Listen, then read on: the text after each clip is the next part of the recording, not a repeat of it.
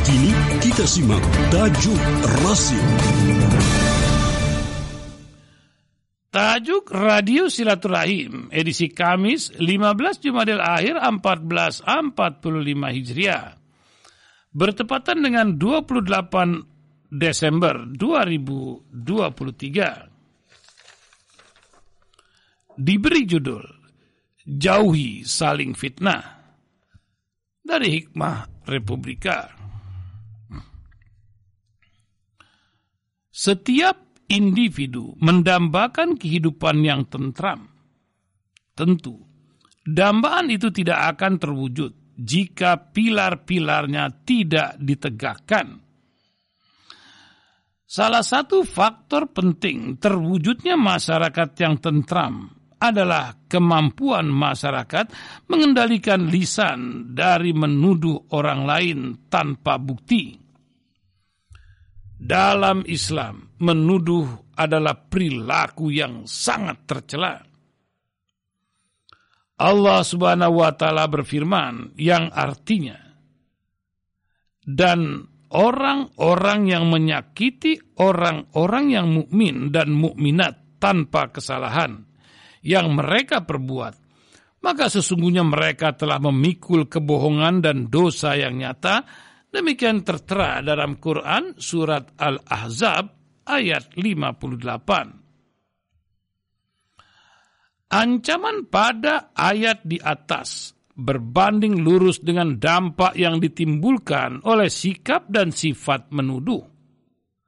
Secara individu, korban tersakiti dan rusak nama baiknya. Tetapi, keburukan memfitnah tidak berhenti pada level individu Perilaku menuduh tanpa bukti dapat mengusik keakraban di tengah masyarakat.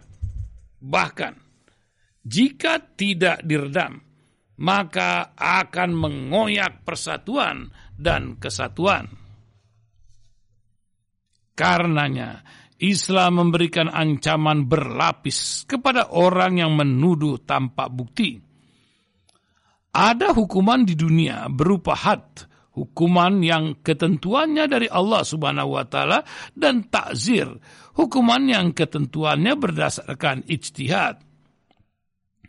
Jika tuduhan itu berkenaan dengan zina, maka penuduh tanpa bukti dicambuk 80 kali. Sedangkan pada selain itu, dihukum sesuai dengan ijtihad hakim, takzir.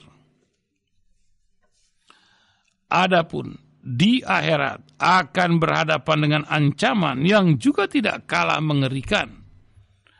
Dalam hadis Rasulullah SAW bersabda, Barang siapa memfitnah saudaranya dengan tujuan mencela dan menjatuhkan kehormatannya, maka Allah akan menahannya di jembatan jahanam sampai ia bersih dari dosanya dengan siksaan itu. Demikian riwayat Abu Daud dua ancaman ini hendaknya menjadi bahan renungan agar kita lebih berhati-hati dalam melangkah. Ketika mendengar atau membaca berita, kita tidak terburu-buru menyebarkannya. Kita butuh bertabayun terkait validasi dan kebenarannya, lalu memastikan efek kemaslahatannya ketika penyebarannya Hal ini mutlak kita lakukan agar amalan kita di dunia tidak menjadi penggerus atas kebaikan kita. Contohnya, dalam mengakses berita-berita di media sosial dan momen politik ini, jadikan diri kita sebagai penyaring berita-berita yang akan tersebar di keluarga, kelompok, dan masyarakat Jangan sampai mereka memakan berita bohong atau fitnah yang menjadikan mental dan emosinya memburuk. Jadikan jempol-jempol kita sebagai penyelamat dari fitnah dunia politik yang seharusnya rakyat tidak perlu berdosa karena nafsu sekelompok manusia. Tidak diragukan, memfitnah adalah kezaliman Kezaliman kepada sesama adalah dosa yang paling rumit pemutihannya. Jika meninggal dalam keadaan belum mendapatkan maaf, maka pahala kita akan tergerus untuk menebus dosa zalim tersebut. Bahkan, jika pahala sudah habis, sementara dosa zalim masih tersisa, maka kesalahan orang yang dizalimi akan ditanggung.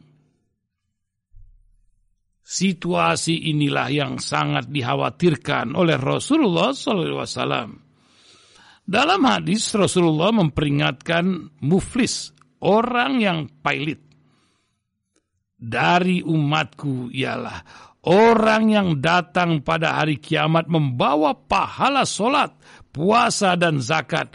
Namun ketika di dunia dia telah mencaci dan dan salah menuduh orang lain maka harta orang lain secara zalim, makan harta orang lain secara zalim, menumpahkan darah dan memukul orang lain tanpa hak, maka orang-orang itu yang terzalimi akan diberi pahala dari kebaikan-kebaikannya.